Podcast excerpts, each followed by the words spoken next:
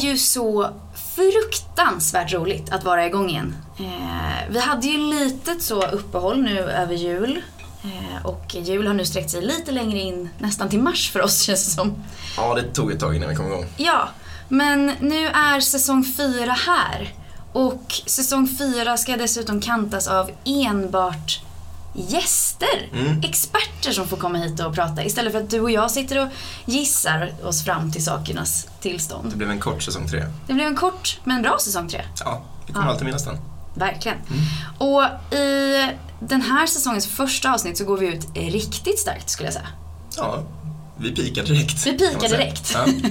Eh, för att vi har nämligen med oss eh, Linda Ljunggren Syding från vårt nya partnerföretag Lexly. Välkommen hit! Tack, hej! Vad kul. roligt att du är här. Ja, jättekul att vara här. Och att du sitter på plats i studion också. Det är ju... Ja, och ni har fått till en fin studio tycker jag. Eh, Den, är, den är på gång. Ja. Eh, Det, det är som ett barn, den liksom utvecklas. Ja, jag förstår. Och blir bättre och bättre för varje dag. Exakt. Ja, men det känns så himla härligt att kunna liksom bjuda in folk till en studio nu när restriktionerna har lyfts och liksom vi har gått in i en helt ny värld känns. Ja, vi har längtat Så att få mycket. träffas. Berätta, vem är du? Vem är jag? Jag är jurist.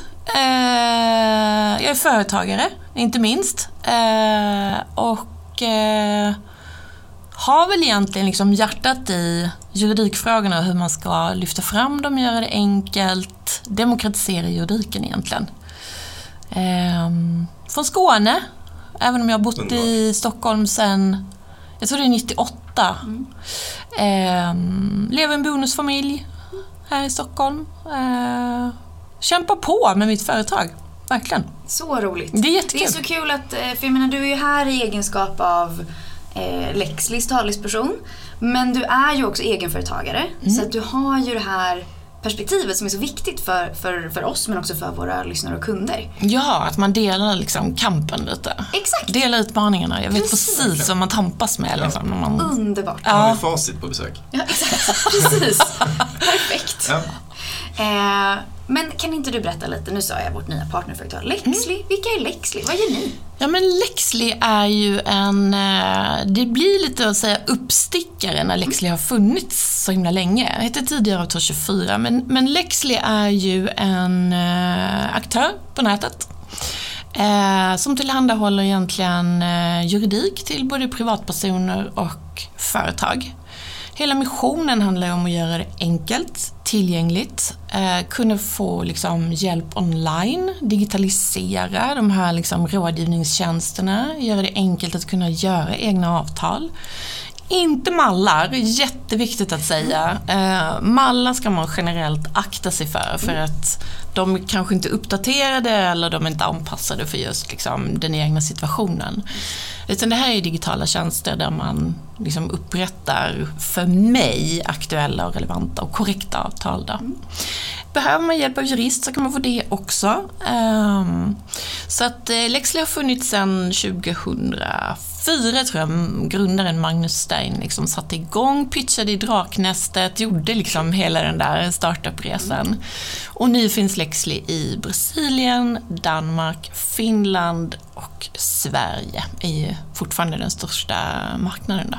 Så Krokar vi arm lite Verkligen. i de marknaderna. Ja. Mm. Det är, och det är väl därför vi är här i ett helt perfekt Exakt. partnerskap. Eller hur?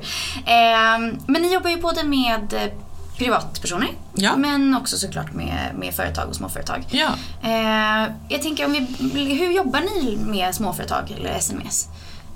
Ja, men vi har ju en community för småföretag. Vi kallar den för Lexley Business. Eh, och här finns ju möjlighet att liksom kunna studsa, nöta, blöta eh, olika frågor man ställs inför som, som företagare. Och också såklart att få tillgång till väldigt mycket liksom, juridisk information. Eh, som vi försöker liksom göra lättillgänglig och begriplig inte minst. Jurister har ju en tendens att bli väldigt eh, både tråkiga och, och svåra att förstå. Du sa det, inte vi. Ja, det är också, om det finns ett svårt ord som jag kan, då finns det ofta ett ytterligare svårare ord eh, inom juridiken som, som ni gärna slänger er med. Mm. Eh, därför är det lite utmanande att ta ner det till det mest fundamentala nivån. Ja, men det kräver lite avprogrammering faktiskt. Eh, Man har drillats hårt, både först på universitetet och sen liksom på sina olika arbetsplatser, för att det ska vara så här exakt allting. Men, men eh, med lite avprogrammering så har vi, tycker jag, ändå lyckats göra det väldigt mycket mer begripligt. Liksom. Och det handlar ju om att alla måste ju kunna ta till sig den här kunskapen. Det är ju superviktigt. Liksom. Och sen så kan man då, beroende på vad man har för behov, hur stor man är, hur många anställda man har, hur situationen ser ut för företagen, så kan man liksom plussa på de här tjänsterna så att man köper olika abonnemangstjänster egentligen och så väljer man nivå. Jag förstår. Och sen kan man ju såklart också bara välja, vill jag bara, liksom, behöver jag bara en typ av avtal? Jag kanske ska träffa en leverantör och behöver ett sekretessavtal. Men då går du in och, och gör det själv också online. Liksom. Så det finns ju väldigt stora valmöjligheter här för företagaren. Och det är ju såklart anpassningar för att det ska passa beroende på vilken fas man är i och vilka behov man har. Ja, och jag tänker att skillnad mellan enmanslåda och kanske till och med bara fem anställda, det måste vara jättestort. Och då har man enmanslåda, fem anställda och sen så finns det ju de som har liksom 200 anställda. Ja. Så det måste ju finnas ett spektra som är så brett så att liksom ja. ta in. Ja, ja, men vi brukar säga att våra tjänster riktar sig framförallt till de företag innan de har liksom anställt sin första bolagsjurist. Liksom. Eh, och det kan ju dröja ett tag. Eh, där kan man absolut hitta liksom all typ av hjälp och stöd man behöver i de juridiska frågorna. Och där ligger ju också compliance, alltså regelefterlevnad som ju är ett allt viktigare område. Vi ser ju företag efter företag som går på pumpen och åker på böter för att de ja, i strid, liksom, hanterar person, personuppgifter i strid med GDPR. Ehm, penningtvätt inte minst, liksom, jätteviktigt område. Ja, och jag tror att det, liksom, det finns så många områden inom företag som man egentligen inte vet är ett område som man behöver ta till juridisk hjälp också. Alltså leverantörsavtal, det kan ju kännas så här, men jag har ju ändå signat tio andra leverantörer men sen Ja. så alla avtal är ju specifika för liksom det samarbetet.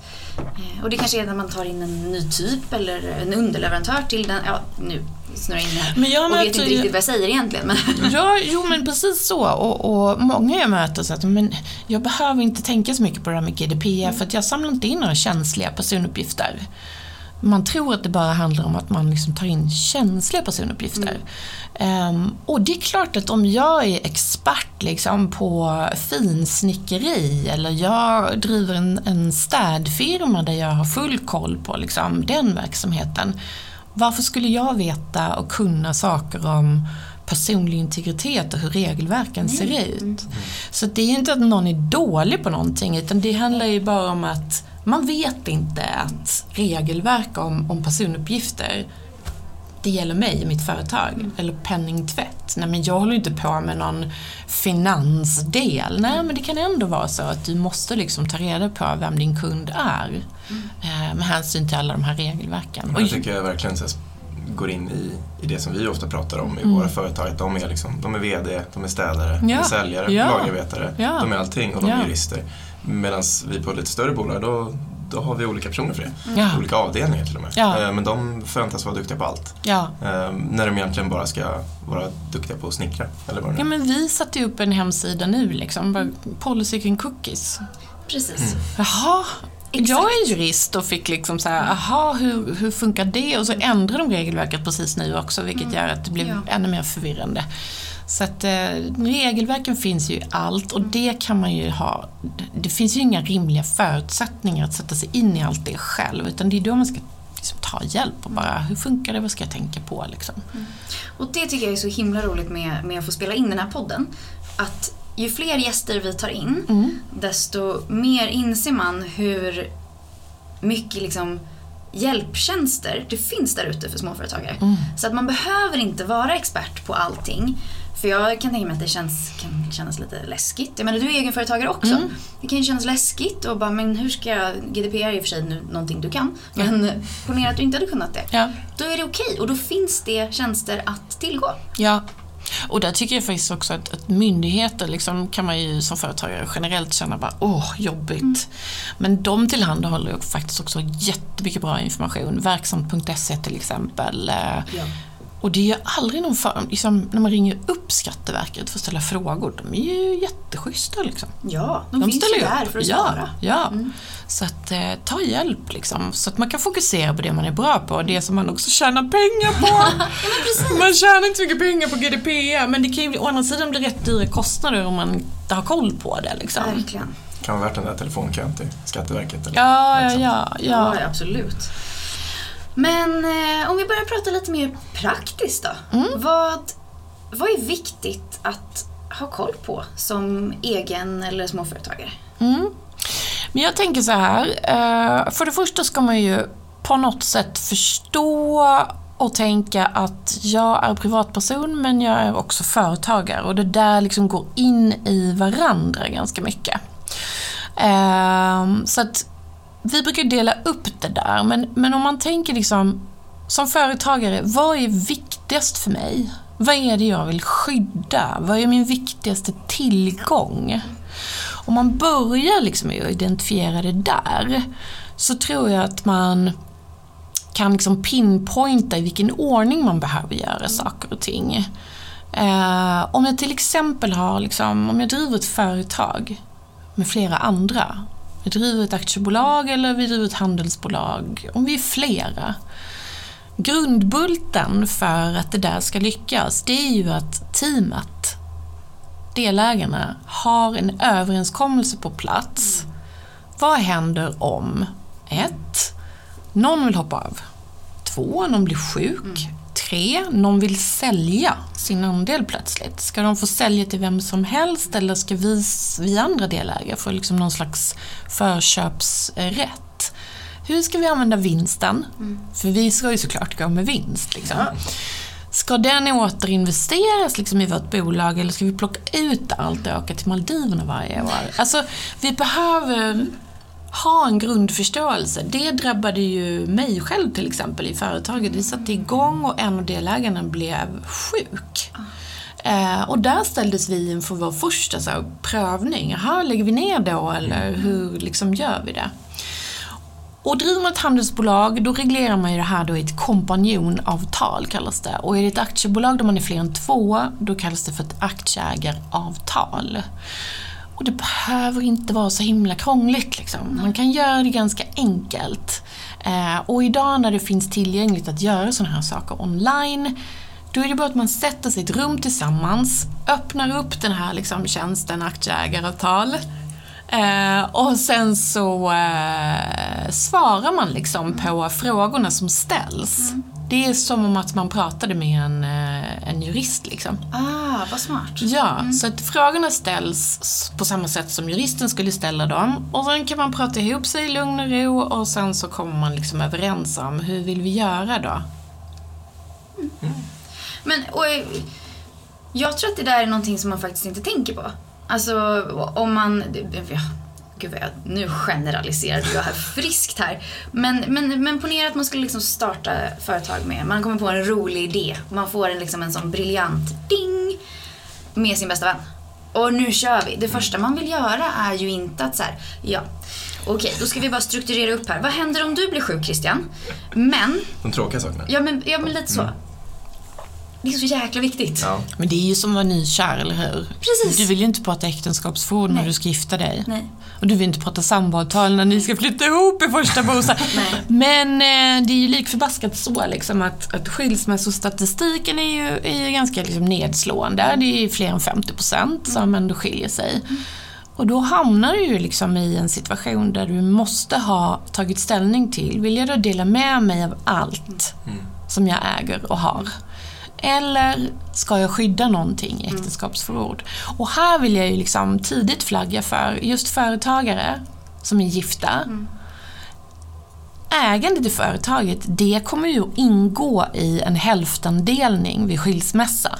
Ah, Så det är också en del då. I aktieägaravtalet eller kompanjonavtalet så rekommenderar jag alltid se till att ni i avtalet kommer överens om att vi som är delägare, vi ska skriva äktenskapsförord. Annars riskerar ni ju att ni kommer behöva driva bolag med någon av delägarnas ex. Liksom. Det mest kända exemplet är väl Jeff Bezos va? Ganska nyligen. Ja, Som skilde sig och ja. ja, frun blev ja, jag vet inte, den tredje rikaste kvinnan i världen. Ja, Eh, ja. Och, och det handlar inte om att man ska liksom roffa åt sig och göra det Nej. orättvist i äktenskapsskillnaden. Utan det handlar om att jag behöver skydda mitt ägande i bolaget av respekt för mina delägare. Sen kan man ju i äktenskapsförordet skriva att, att partnern får liksom skydda någonting annat. Lika stort eller lika värdefullt. Liksom, så att man ändå gör det rättvist. Ja, ja. Och det här är jättebra tips. Eh, Men, men när gör man det? Jag förstår att man inte gör det på första dejten eller på bröllopsdagen. Men kan man visst göra om man vill. ja, om man är jurist kanske man gör det. Nej. Men eh, har Jag har inget där? liksom, hur, hur går man tillväga? Liksom? Ska man sätta sig ner med frun eller med sin man? Går det giftastankar? Är det det som... eh, Ja, jag tycker mig ana det. Har du något tips där? Liksom? Hur, hur, hur hanterar man det rent praktiskt? Liksom? För att det, rent juridiskt är det ganska glasklart. Ja. Ehm, Menar du hur man ska ta upp den här heta potatisen eller menar du hur gör man faktiskt rent praktiskt? Den heta potatisen. Ja. ja men jag tänker på det som ganska liksom, romantiskt faktiskt. Därför att det är ett sätt att signalera, jag menar allvar med dig. Jag vill saker med dig, jag vill investera med dig, jag vill liksom leva mitt liv med dig. Och i det är det liksom omtänksamt och respektfullt att våga prata om det som också är lite jobbigt. Liksom. Och just att man inte låter äktenskapsförordet liksom bli det här fördomsfulla som man har sett i amerikanska filmer då, och att det är någon som ska roffa. Utan att det handlar om så här, låt oss prata om vad är viktigt för dig? Ja men sommarstället som jag har med mina syskon, det skulle inte jag vilja liksom dela med mig av om det är så att vi skiljer oss. Eller för den sakens skull ska man ju inte glömma att någon av oss dör. Nu blir jag väldigt svart här liksom. jo, men det... Men det är ändå livets realiteter. Vi ska dö. Och, och en bodelning med hälftendelning, det gör man ju också vid dödsfall. Så att om, om man vågar prata om det som är viktigt, och man också gör det rättvist och lägger fram det som att du är viktig för mig, Skaffar vi barn, eller om vi har barn, då är det ännu viktigare. För att vi kan inte riskera att hamna i konflikt om pengar när vi ska vara föräldrar till det här barnet resten av livet. Liksom. Så jag tänker Christian, Ja. gör det på bogen, omtanke, jag menar allvar, det här är respekt och liksom kärlek från min sida. Ja, bra. Men förlåt, men det var ju det första jag, när jag och min fästman flyttade ihop i vår första liksom, gemensamma lägenhet. Mhm. Det är självklart att vi har samboavtal. Ja, Ja. självklart. Nej, Nej. Och Christian. då har du ändå berättat din uppväxtbakgrund här och Ja, dina det kan, föräldrar. det kan ju liksom. vara så att man är färgad av, av mina, mina två advokatföräldrar. Men, Mm. eh, men det är viktigt Christian. Ja, Ja, jag ska bra. ta till mig det. Mm. Jättebra. Ja, men lite sådär brukar man ju, men passar man ihop jag får ju så mycket skit av mina vänner när jag säger har ni kollat nu så ni passar ihop ekonomiskt? Så bara, "Nej, men, Det här är ju kärlek liksom. Jag skiter väl i om han har pengar eller inte. Eller, ja, fast det är ju ändå så att om ni har väldigt olika liksom, levnadsstandard, förutsättningar, en är jättespara och en är jätteslösa. Det är klart att det kommer att få konsekvenser. Liksom. Jag tänker mig att det skapar ett lugn att ha det Ja! plats. Du kan ju låta din partner vara slösa om du känner dig trygg i att ja, men jag har skyddat det som är absolut viktigast för mig. Liksom. Och det är Eh, heller inte det du menar när någon Nej. av dina vänner har träffat en. Nej. Nej, men det Liksom. låter ju inte heller så jätteromantiskt. Nej, men, eh, men det är väl bra att vara the voice of reason ibland kanske. Ja, för att sen har jag ju suttit i så många bodelningstvister och skilsmässor där människor liksom förlorar allt. Det blir tragedier, Ja. det blir bråk om barnen för att man kan inte komma överens i bodelning. Så för mig handlar det om att förebygga konflikter och det är ju liksom hela missionen kring vad både liksom jag och, och Lexley och många andra jurister håller på med. Skriv innan så slipper ni träffa jurister i, i liksom domstol sen. Exakt. För då är de dyra, jättedyr, mycket dyrare än om man pratar med dem innan. Liksom. Ja, Och sen har du liksom tappat kontrollen över det för att det är någon annan som ska ta beslut oavsett om det handlar om bostaden, bodelning, barnen, vad det än är. Så att eh, prata om det medan ni fortfarande gillar varandra. Ja. Och som företagare är jätte, jätteviktigt också. Jag möter just jättemånga som inte riktigt har förstått att men det är mitt företag. mm, jo.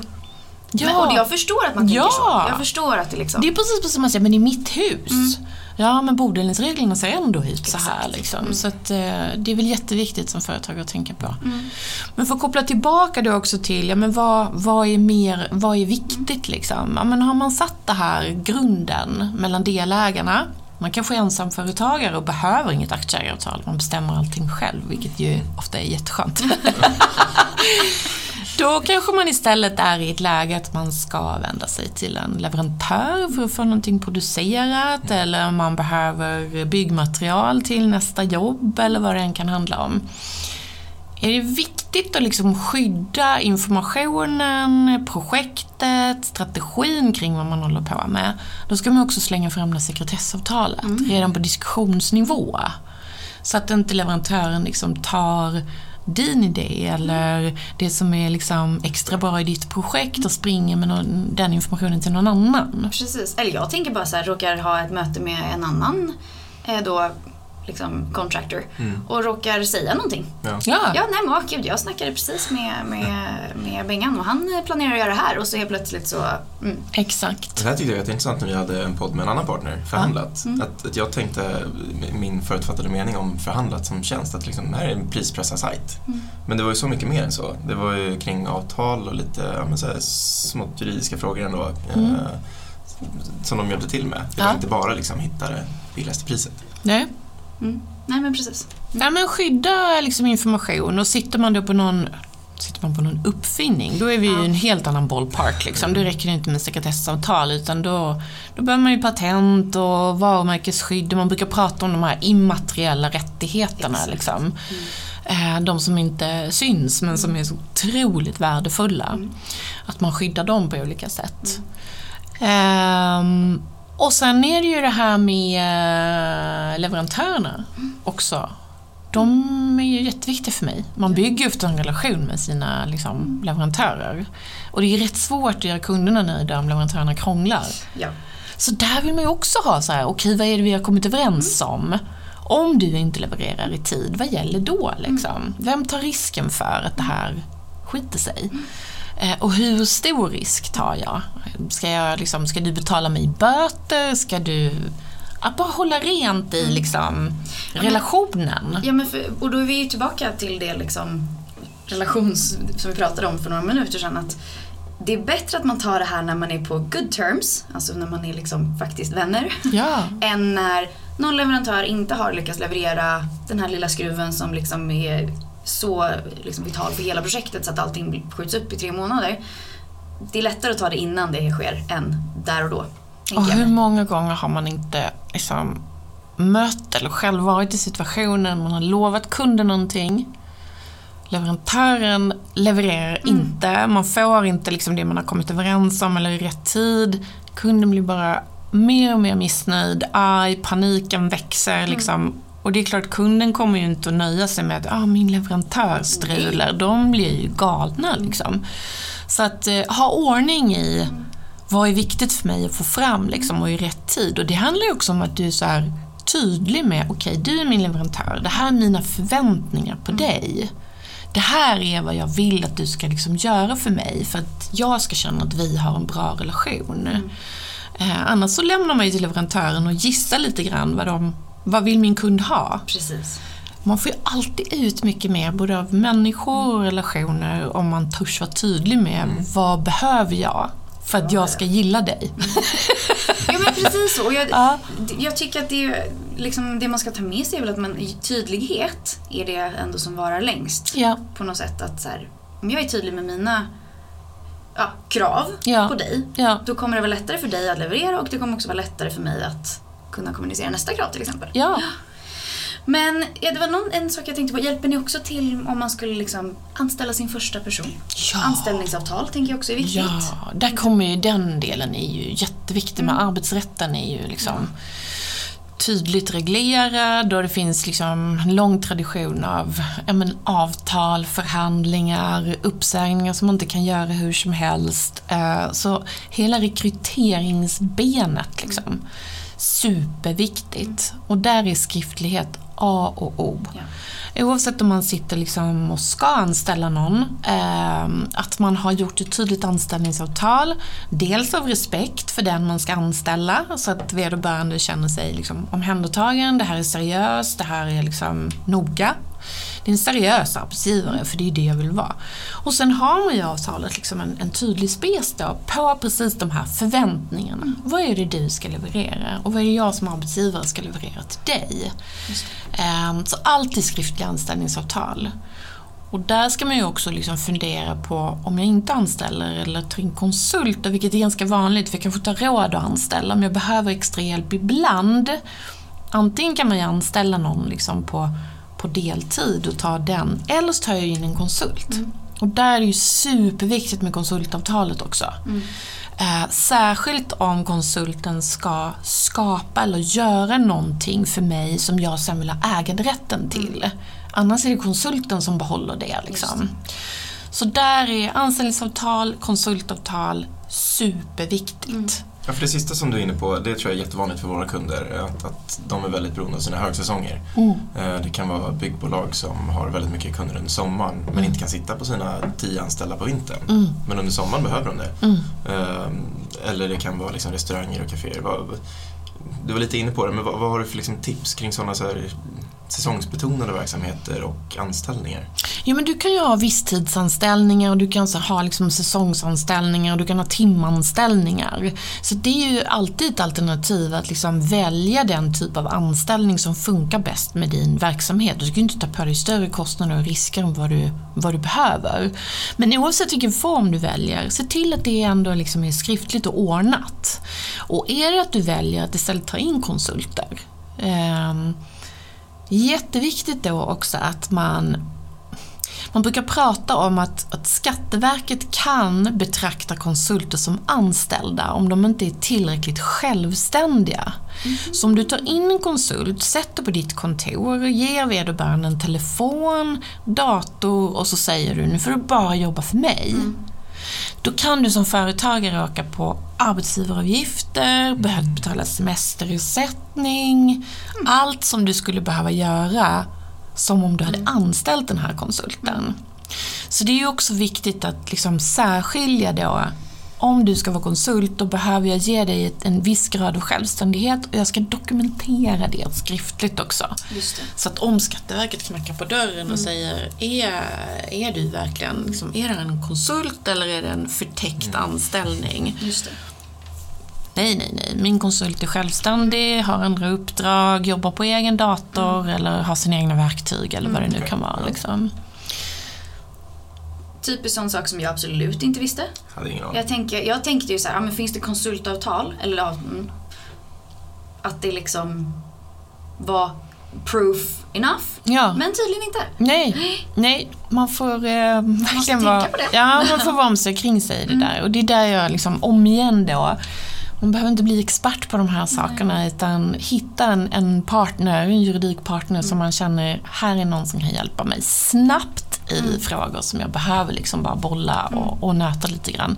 Och sen kunna liksom få hjälp att göra det där skriftligt. Jag vågar inte ens tänka på hur nu sitter jag liksom i eget företag och, och det får jag väl erkänna att jag har ju inte liksom hunnit få alla avtal på plats heller. Vi har aktieägaravtalet, vi skriver sekretessavtal, vi har praktikanter inne nu. Ehm, men men ehm, det finns ju liksom saker som jag kommer att behöva nöta och blöta också för att det är inte liksom den dagliga verksamheten. Nej. Nej, men det är inte det som är vi vet. jätte- Tvåmakarens barn bort. också kan jag tänka mig. Kanske. Jag har inget äktenskapsförord till exempel. Du ser. Men jag har testamente. Jag har testamente i alla fall. Ja, Mm. alltid något. Nej, men, och det är väl som vi var inne på, att det är inte det man tjänar, man, det är inte det man tjänar pengar på. Man Nej. tjänar inte pengar på att sitta och ta, se till att alla avtal är på plats. Nej. Men jätteviktigt att göra det i alla fall. Jag tänker så här, att man ska egentligen inte man behöver inte ens tänka liksom juridik. Jag tänker så här, vad, vad är det jag behöver för att vårda mina relationer? Alltså juridiken är egentligen bara ett verktyg för att hjälpa mig att göra rätt. Eh, ur ett mänskligt perspektiv men också då om vi pratar regelefterlevnad liksom, utifrån de krav som myndigheter ställer på mig som företagare. Så att eh, se det som ett verktyg, vad som helst liksom, som man behöver för att göra rätt. Och där är ju en viktig då, om vi pratar om vad är viktigast i mitt företag. Jag tror nog att många ändå skulle säga det absolut viktigaste för min verksamhet, det är mina kunder. Jag hoppas att många tänker så. Det, det, borde, ju, det borde ju vara så, tänker jag. Det kan man inte veta. Men... Och då är det ju liksom, oavsett om jag eh, har en restaurangverksamhet, ett städbolag, eller jag är snickare, eller driver en, en startup där jag liksom behöver kunder. Var schysst och tydlig mm. mot kunderna med vad som gäller. Ha tydliga liksom, avtalsvillkor. Lätta att se, lätta att läsa, lätta att förstå. Mm. Många tar ju liksom bara copy-paste på någon annans avtalsvillkor, mm. drämmer in på hemsidan och känner nu så... Glömmer att ändra organisationsnummer eller... Ja, det kanske man ändå kommer ihåg. Men, men det kan ju vara otroligt omständligt, krångligt, ja. kanske jättelånga avtalsvillkor som är skrivna för en väldigt specifik liksom, tjänst. Eh, var bara tydlig och rak med vad som gäller. När ska du betala? Vad händer om du inte betalar? Eh, behöver du betala någon ränta? Mm. Eh, om vi blir osams, var ska vi liksom avgöra saker? Vart ska du vända dig om du inte är nöjd med mig? Mm. När kan du räkna med att få din vara eller tjänst levererad? Vad kostar varan och mm. tjänsten? Det här med liksom transparensen och ärligheten i relationen mm. med kunden. Det kan jag liksom använda avtalsvillkor för att liksom pusha ännu mer. Mm. Dels är det ju nästan ett, ett grundkrav idag. Det är väl få som handlar av företag som inte tydligt kan hänvisa ja. liksom till ja, men det här är vad som gäller. Um, men, men att man också tar det ett steg längre och försöker koppla det till vilka affärsmål har jag? Vad är viktigast för mig? Mm. Um, och så synliggör jag det för kunden. Mm. Ja, men du får eh, en månads uppsägningstid eller du får prova eh, tio dagar gratis. Mm. Vad händer sen? Mm. Det handlar om egentligen om att skydda sig känns som. Alltså, det är ingen som inte har ett lås på dörren hem till sig. Nej. Då reagerar man ju ganska starkt. Nej. Va, har du inte lås? Men, men, att, att, inte ha tänkt på de här sakerna, det, ja. det är inte lika sådär Ja. Nej, för det är ju så här med relationer, oavsett om det är kunder eller leverantörer, det är ju liksom det är dynamiskt och det mm. förändrar sig, det påverkas av saker som händer runt omkring. Så att, eh, ja men precis som när du ska gifta dig nu Christian. Mm, ja, jag ska till det. Vad roligt. Du kan ju inte förutse hur det här ska mm. liksom utveckla sig. Det kan du ju inte som företagare förutse Nej. hur min relation till kunderna ska utveckla sig heller. Så dels handlar det om att skydda sig men man blir ju också snyggare tänker jag. Ja, man... absolut. Man vill ju inte vara det företaget som så här när man levererar något, eller när man inte levererar någonting. Mm. Och så har man ingenting som säger, ja men om vi inte har levererat inom 30 dagar så har du då en ångerrätt eller turrätt mm. och så vidare. Och så vidare. Mm. För jag tror att man måste tänka på, som företag så är man ju också rätt, eller tvärtom, som konsument är man ju rätt skyddad av ja. till exempel konsumentlagen. Ja. Eh, som företag har man ju alltid eh, skyldigheter mot sin, sin konsument. Ja. Eh, och det, så att det blir ju också att skydda sig själv. Ja, verkligen. Eller skydda sig själv, gud vad det låter hemskt men ni förstår vad jag menar. Skydda att, Ja men om du inte får betalt i rätt tid. Mm. Du utsätter dig för en, en faktisk konkursrisk. Ja. Om du är en liten företagare mm. med ganska tuff likviditet. Mm. Eh, det blir jättejobbigt om en kund betalar liksom 90 dagar för sent. Mm. Då har inte jag råd att betala liksom mina leverantörsfakturor. Mm och någon leverantör tröttnar och, och, och skickar in en konkursansökan. Alltså, det här har jag sett så mycket. Mm. Små jättevälmående företag mm. som inte har varit tydliga i liksom, sina betalvillkor mm. och kanske lite försiktiga att liksom, driva in pengarna för att man vill inte stöta sig med sina kunder heller. Nej. Och har det då varit lite otydligt liksom, med ja, men betala när du kan mm. eller vi litar ju på dig. Mm. Eh, då utsätter du liksom hela företaget, dina anställda om du har sådana, för en, en risk att liksom ja, det blir konkurs. Mm. Liksom. Det här är ena delen hos våra produkter egentligen. Eh, när det har kanske gått lite snett mm. eh, och, man behöver tillfälligt tillskott liksom för att eh, ja, men, klara sig tills den här leverantören mm. har betalat eller kunden har betalat. Ja. Men också för tillväxt. Liksom. Ja. Så det, därför vi jackar i så, så bra. Ja men verkligen. Och, och, eh, jag skulle säga att om man ska titta liksom på vad är det företagare ofta liksom söker hjälp med av jurister. Tyvärr är det ju då, precis som vi var inne på tidigare, det är ju oftast när, när skiten har träffat fläkten. Liksom. Eh, vi skulle ju mycket hellre prata med dem innan de sitter med en konkursansökan från domstolen och bara Åh, vad gör vi nu? Liksom. Eller en stämningsansökan från en leverantör som tycker att man liksom har inte skött sina åtaganden. Eh, men det är ju just liksom bara, jag får inte betalt. Vad Exakt. gör jag? Hur, hur ska jag liksom hantera det där? Eh, och där tycker jag att liksom, man ska inte vara rädd för att, att liksom trycka på och påminna sina kunder om att hallå, jag har levererat något, nu måste du faktiskt betala. Exakt. Och att det är också tydligt från början. Och, jag, och är det så att jag är osäker på kommer jag få betalt eller inte, leverera inte allt förrän du har fått en Nej, nej, nej. delbetalning. Exakt. Gör inte klart hela byggjobbet och skicka fakturan på flera hundratusen liksom, efter 30 dagar. Utan delfakturera, liksom, fördela riskerna på ett schysst absolut. sätt så att det inte blir den här att man, man tar hela risken själv. För att man tänker att det är en del i kundvården. Nej. Nej men eh, exakt. Ja, Alltså, att man måste tror det ju- bästa om folk också hela tiden. Ja, Som och man det är ju fint. Det Det är ty- jo, men jag, som, som jurist blir det ju ofta så att man målar fan på väggen och allting. Men samtidigt är det så här, man måste ju ändå kunna liksom tänka att människor vill väl. Och, och så är det med de allra Ja. flesta. Men är det då så att en kund har själv svårt att få fram pengar. Ja. Har du hjälpt din kund genom att inte ställa krav då eller har du kanske försatt kunden i en ännu värre situation? Precis. Men alltså det är ju en mängd olika frågor som man, eh, eller frågor, men liksom saker som man faktiskt måste ha koll på.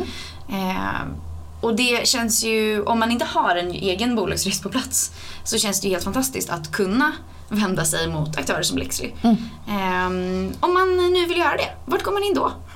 Lexly.se. Lexly.se. Där finns en företagsflik Perfekt. Och där finns allt man behöver veta om Lexly Business, vilka avtal man kan göra, eh, vilka olika tjänster som finns, vilka abonnemangsnivåer. Eh, där finns all information man behöver. Eller så ringer man oss bara och så hjälper vi jättegärna till från scratch. Så svarar ni helt enkelt. Ja! Vi finns på riktigt också. Vi finns i mobilen på nätet och i riktiga livet. härligt. Ja. Du, vi brukar alltid avrunda våra avsnitt med att eh, vår gäst, som vi nu då ska köra i eh, säsong fyra, eh, ger sina topp tre till fem bästa eller viktigaste tips om ämnet som vi har pratat om.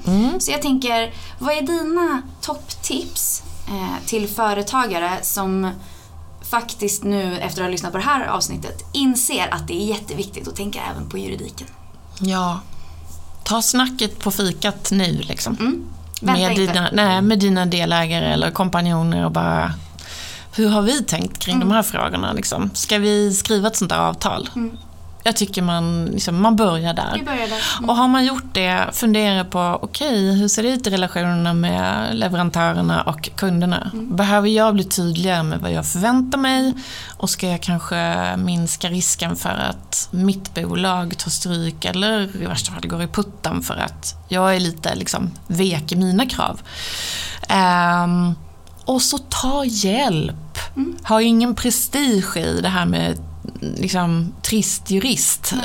Vi är inte alltid de absolut roligaste och mest begripliga, men vi försöker och vi vill verkligen hjälpa innan katastrofen är ett faktum. Man ska inte liksom fokusera på att umgås med jurister när tvisten är där, utan man ska, man ska bli kompis med oss innan så Exakt. man slipper. Och idag är det så kostnadseffektivt och liksom enkelt att ta den hjälpen. Man behöver inte åka in och träffa liksom juristen och betala jättedyra pengar. Eller, det är väldigt mycket enklare att fixa det idag. Med digitaliseringens hjälp så har vi faktiskt eh, kommit dit. Men om, eh, om man tar de här fyra scenarierna kan man säga då. Jag som är konflikträdd och hade behövt ta de här fyra snacken med kompanjonerna, Mm.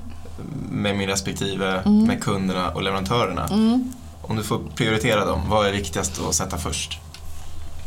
Ja, alltså jag är Om jag vill sprida ut mina svettiga samtal lite. Jag värderar ju mitt kanske äktenskap högre än mitt bolag, så jag kanske ändå skulle börja där. Eh, men annars så skulle jag ju som en stark tvåa liksom ta mitt team. Våra, vi som har grundat bolaget och som vi behöver. Och en grupp som vi inte nämnde där, det är de anställda. Det är oftast den viktigaste liksom, tillgången i mitt bolag. De är bärare av allt det som företaget liksom ska göra. Så att se till att de har vad de behöver och känner sig trygga är ju superviktigt också. Mm. Ja, för många företag är ju de produkten. Alltså, Ja. En, en byggfirma, Ja. vad det kan vara. Så. Men i första hand min man, i andra hand eh, mina liksom, delägare och i tredje hand anställda. Tack snälla för att du eh, ville ta dig hit. Ja. Komma med så många bra tips till, till, Verkligen. till Christian som Ja. gifta snackare. Men, Alltså, du ska ju faktiskt gifta dig. Ja, Mm. men jag kanske tänkt på det här redan. Ja, det, ja, det har du inte. What else is new? Nej, jag har lärt mig så mycket. Men också såklart till våra lyssnare och kunder. Eh, som jag verkligen hoppas eh, inser att det här är ett ämne som man inte ska liksom klippa och klistra lite själv om man inte kan klippa och klistra lite själv. Nej. Utan våga ta hjälp och Ja. hör av er till eh, oss eller till Lexley och så ser vi till att rätt hjälp fås. Jag gör det som jag gjorde för fyra fem år sedan, prenumerera på Lexleys nyhetsbrev. Precis. Det är, det är, man blir alltid glad när det landar in. Ja men det är en bra start. Då får Ja, man alltid lite matnyttiga tips. Ja. Tack för att jag fick komma hit. Superkul att få träffa er och få prata om det här ämnet som jag ju tycker är roligt. Trots allt. Men det ser ut som att du tycker att det är kul. För Ja. jag går ut, jag, nu när vi stänger av den här podden, jag kommer gå ut från det här rummet och ha så mycket energi. Ja, vad Det är roligt. så kul. Härligt. Så kul att ha det här. Stort tack. Tack själv.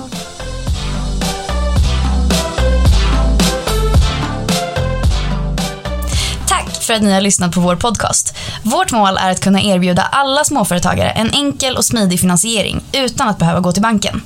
Är du själv småföretagare och i behov av finansiering? Besök cred.com, cred med Q.